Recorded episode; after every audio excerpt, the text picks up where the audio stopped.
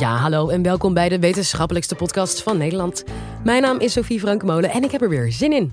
Ik weet niet hoe het met jou zit, maar persoonlijk ben ik echt groot fan van rampenfilms. Vooral van die films waar robots de wereld overnemen en dat dan een dramatische held of heldin daar een stokje voor moet steken. Heerlijk.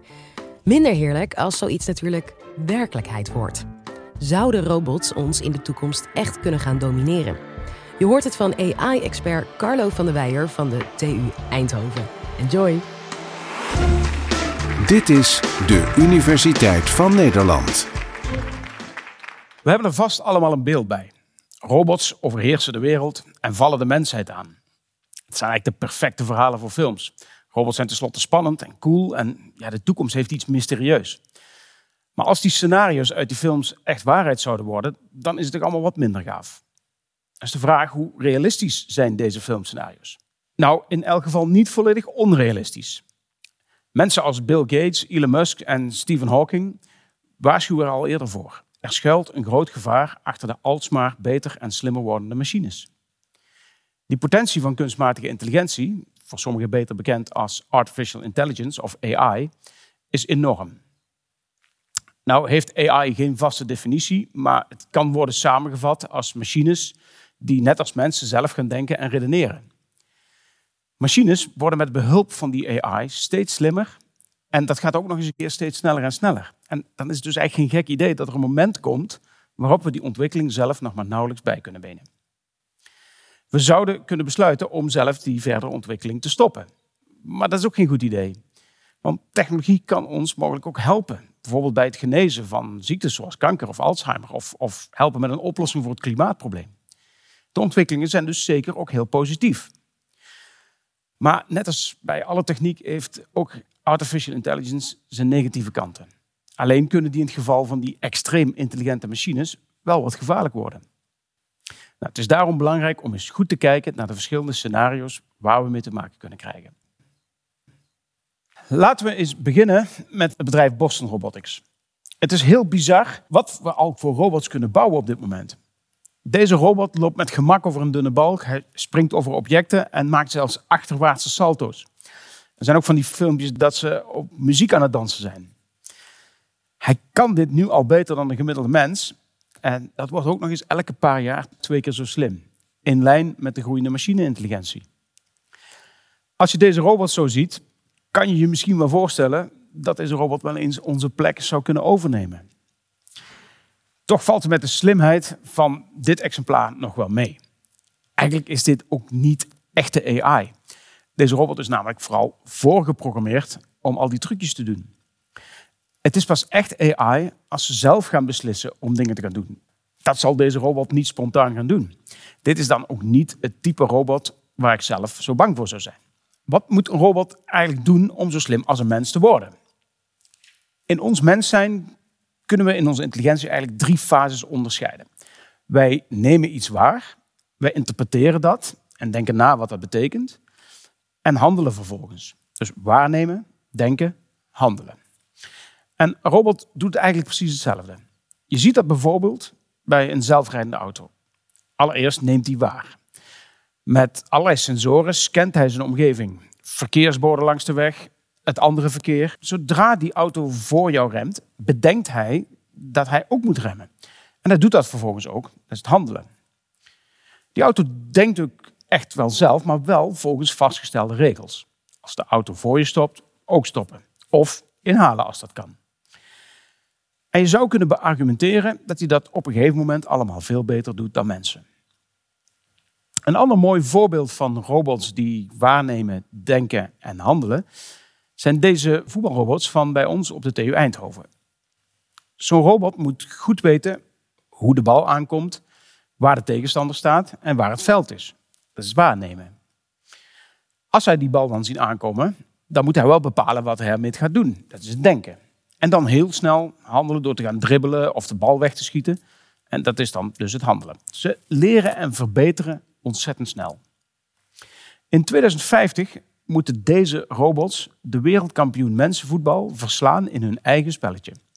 Dan zijn ze dus beter dan Messi en Ronaldo en niet eens omdat die tegen die tijd 65 jaar oud zijn. Zoals je ziet zijn deze robots wel heel specifiek. Ze hebben één talent en daar zijn ze extreem goed in.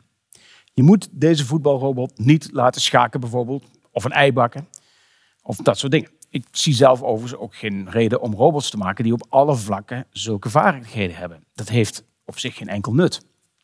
Maar wat als robots uiteindelijk zo slim worden dat ze, net als mensen, zelf doorevolueren? Dat ze zichzelf andere vaardigheden aan gaan leren. Wij mensen zijn tenslotte ook ooit van een oermens uitgegroeid tot een redelijk begaafd persoon vandaag de dag. Kan dat dan ook bij robots gebeuren? Nou, sommige mensen zeggen dat het nooit tot het punt zal komen, omdat wij mensen altijd nog iets hebben wat die robots niet hebben. Namelijk emotie, karakter, gevoel en bewustzijn. Het is in de ogen van die mensen zo dat dat ons altijd ook slimmer zal, zal houden dan die geëvolueerde robot. Maar is dat daadwerkelijk wel zo? Het is misschien niet de meest romantische manier om naar het leven te kijken, maar charme en humor, dat zijn eigenlijk ook allemaal maar gevolgen van algoritmes die zich in onze hersenen afspelen.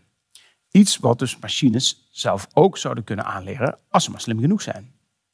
Het probleem in die hele discussie is dat we nou alles onderschatten dat machines aan de ene kant niet ophouden met steeds slimmer worden en dat die slimheid aan de andere kant ook niet stopt bij onze intelligentie. En ook niet bij de intelligentie van bijvoorbeeld Einstein, die door veel mensen wellicht als het toppunt van menselijke intelligentie wordt gezien. Met de snelheid waarin wij nu steeds slimmere machines maken, kom je automatisch ooit bij machines die wel honderd keer of wel duizend of wel miljoen keer intelligenter zijn dan Einstein. Machines kunnen ons gaan overtreffen op een manier die wij nog niet kunnen voorstellen. Ook wetenschappers niet. Juist daarom is het lastig om in te zien wat die mogelijke gevaren zijn. Bedenk maar eens dat wij mensen met onze mate van intelligentie al in staat zijn geweest om draadloos internet uit te vinden en dat we in de ruimte kunnen reizen. Het zijn ontzettend indrukwekkende dingen. Maar met een intelligentie die nog een keer duizend of miljoen keer hoger ligt, ja, kunnen we misschien wel met een simpele knop de zon harder laten schijnen in de toekomst. dan zijn we van het fenomeen weer af. Dat hebben we in de handen. Of mensen terughalen uit de dood. Dat is een beetje een eng idee, maar misschien kan dat ook ooit. Of een gesimuleerde wereld bouwen die niet meer van echt te onderscheiden is. Waar alles perfect is. Misschien stappen we dan wel over naar die wereld. Misschien is dat al gebeurd. We hebben werkelijk geen idee wat er allemaal mogelijk is. Net zoals je iemand uit de 19e eeuw niet kunt uitleggen wat social media is, of een emoji of bol.com.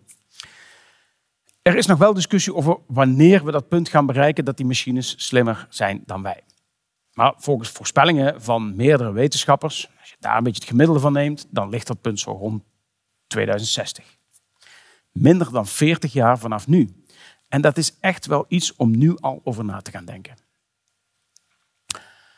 Als robots slimmer worden dan mensen, halen mensen vaak een scenario naar boven dat, die robots spontaan boosaardig worden en dat ze ons aan zullen vallen. Zie al die dystopische filmscenario's.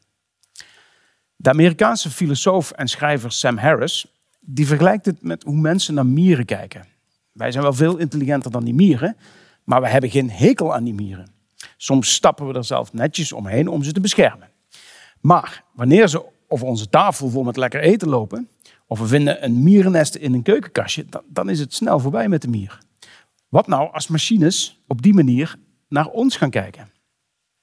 Op een bepaald moment bouwen wij machines die bewust of niet ons met gelijkwaardige onverschilligheid zouden kunnen gaan behandelen. Het kan ook zo zijn dat we machines bouwen die het vast goed bedoelen, maar met al hun kracht ons niet helemaal goed begrijpen. Denk maar weer eens aan die zelfrijdende auto. Stel, wij geven die auto de opdracht: zorg dat ik veilig voor 12 uur thuis ben. Maar dan zit het verkeer wat tegen onderweg. En om 12 uur te halen moet hij over het trottoir de file voorbij. Dwars met 100 km per uur over een vol schoolplein. Met allemaal verschrikkelijke gevolgen van dien. Kijk, wij zouden dan zeggen, ja, oh, zo belangrijk is die 12 uur nou ook weer niet. Maar weet zo'n zelfrijdende auto dat ook? We zullen manieren moeten vinden om met die slimme machines samen te werken en samen te leven. Dat betekent dat we nu al kaders moeten opstellen van hoe ver we mogen gaan als we het hebben over het ontwikkelen van die robots. Een goed startpunt hiervoor zijn de zogenaamde drie wetten van Asimov. De eerste wet is: een robot mag een mens geen letsel toebrengen. De tweede wet is: een robot moet bevelen van de mens opvolgen, tenzij het in strijd is met de eerste wet. En de derde wet is dat een robot ook zijn eigen bestaan moet beschermen, tenzij het in de strijd is met de tweede of de eerste wet. Isaac Asimov was een Russische fictieschrijver en hij bedacht deze wetten in zijn reeks boeken I, Robot. Maar zoals Asimov zelf al aangaf in zijn boeken, deze wetten zijn niet compleet. Mag bijvoorbeeld een robot wel iemand verwonden als die dreigt heel veel andere mensen kwaad te doen? En zo zitten er nog wel een aantal haken en ogen aan die regels. Het komt er eigenlijk op neer dat alleen regels opleggen vaak niet werkt. Ik merk dat nu zelf ook wel eens in mijn eigen meedenkende auto. Ik reed pas op een buitenlandse snelweg waar nog een vergeten bord van wegwerkzaamheden was blijven staan. Op dat bord stond dat je 50 km per uur moest rijden. Mijn auto las dat bord en wat deed hij? Hij wilde 50 km per uur gaan rijden. En dat is op zich ook wel logisch, want dat moet van de wet. Maar ik zag dat het duidelijk een vergeten bord was. En de rest van de mensen ook. Dus die bleven allemaal, het hele verkeer bleef 130 rijden. Dus dan zou het levensgevaarlijk zijn op dat moment de regels te volgen. Nou, het klinkt een beetje vreemd, maar bij elke regel die wij als mensen opstellen, gaan we eigenlijk al vanuit dat we niet altijd letterlijk opvolgen. Wij varen in het echte leven vooral op een ethisch en moreel kompas. Bijvoorbeeld niemand wacht midden in de nacht in een compleet verlaten stad voor een rood voetgangerslicht. En ja, dat is niet zo kwalijk op zich dat je er wel voor wacht, maar het is vaak ook zo dat, je, dat de regel volgen gevaarlijker is, zoals in het voorbeeld wat ik net gaf. En zo zijn er nog wel duizenden voorbeelden waar het beter is de wet niet helemaal precies te volgen, maar om ons meer te richten op de achterliggende moraal. We moeten robots dus naast regels ook een moreel kompas meegeven. Ze zullen dan, als ze ooit slimmer worden, die regels en het kompas moeten volgen. Terwijl ze eigenlijk zelf geen besef hebben waar die regels precies vandaan komen. Het is eigenlijk een beetje zoals veel mensen een God hebben, die weliswaar niet fysiek aanwezig is, maar wiens regels ze toch heel graag volgen. In die zin worden we via zo'n te ontwikkelen moreel kompas, en laten we dan wel hopen dat ze een beetje godvrezend worden. Dus, samenvattend. Ja, robots gaan slimmer worden dan wij. Maar die slimheid hoeven we niet als dreiging te zien. Maar kunnen we juist inzetten om onszelf het leven mooier en makkelijker te maken. Menselijker ook. Want als we het saaie, onmenselijke werk aan de robots overlaten, kunnen wij het leukere, menselijkere werk gaan doen. Ik zie de toekomst met kunstmatige intelligentie dus toch wel hoopvol tegemoet.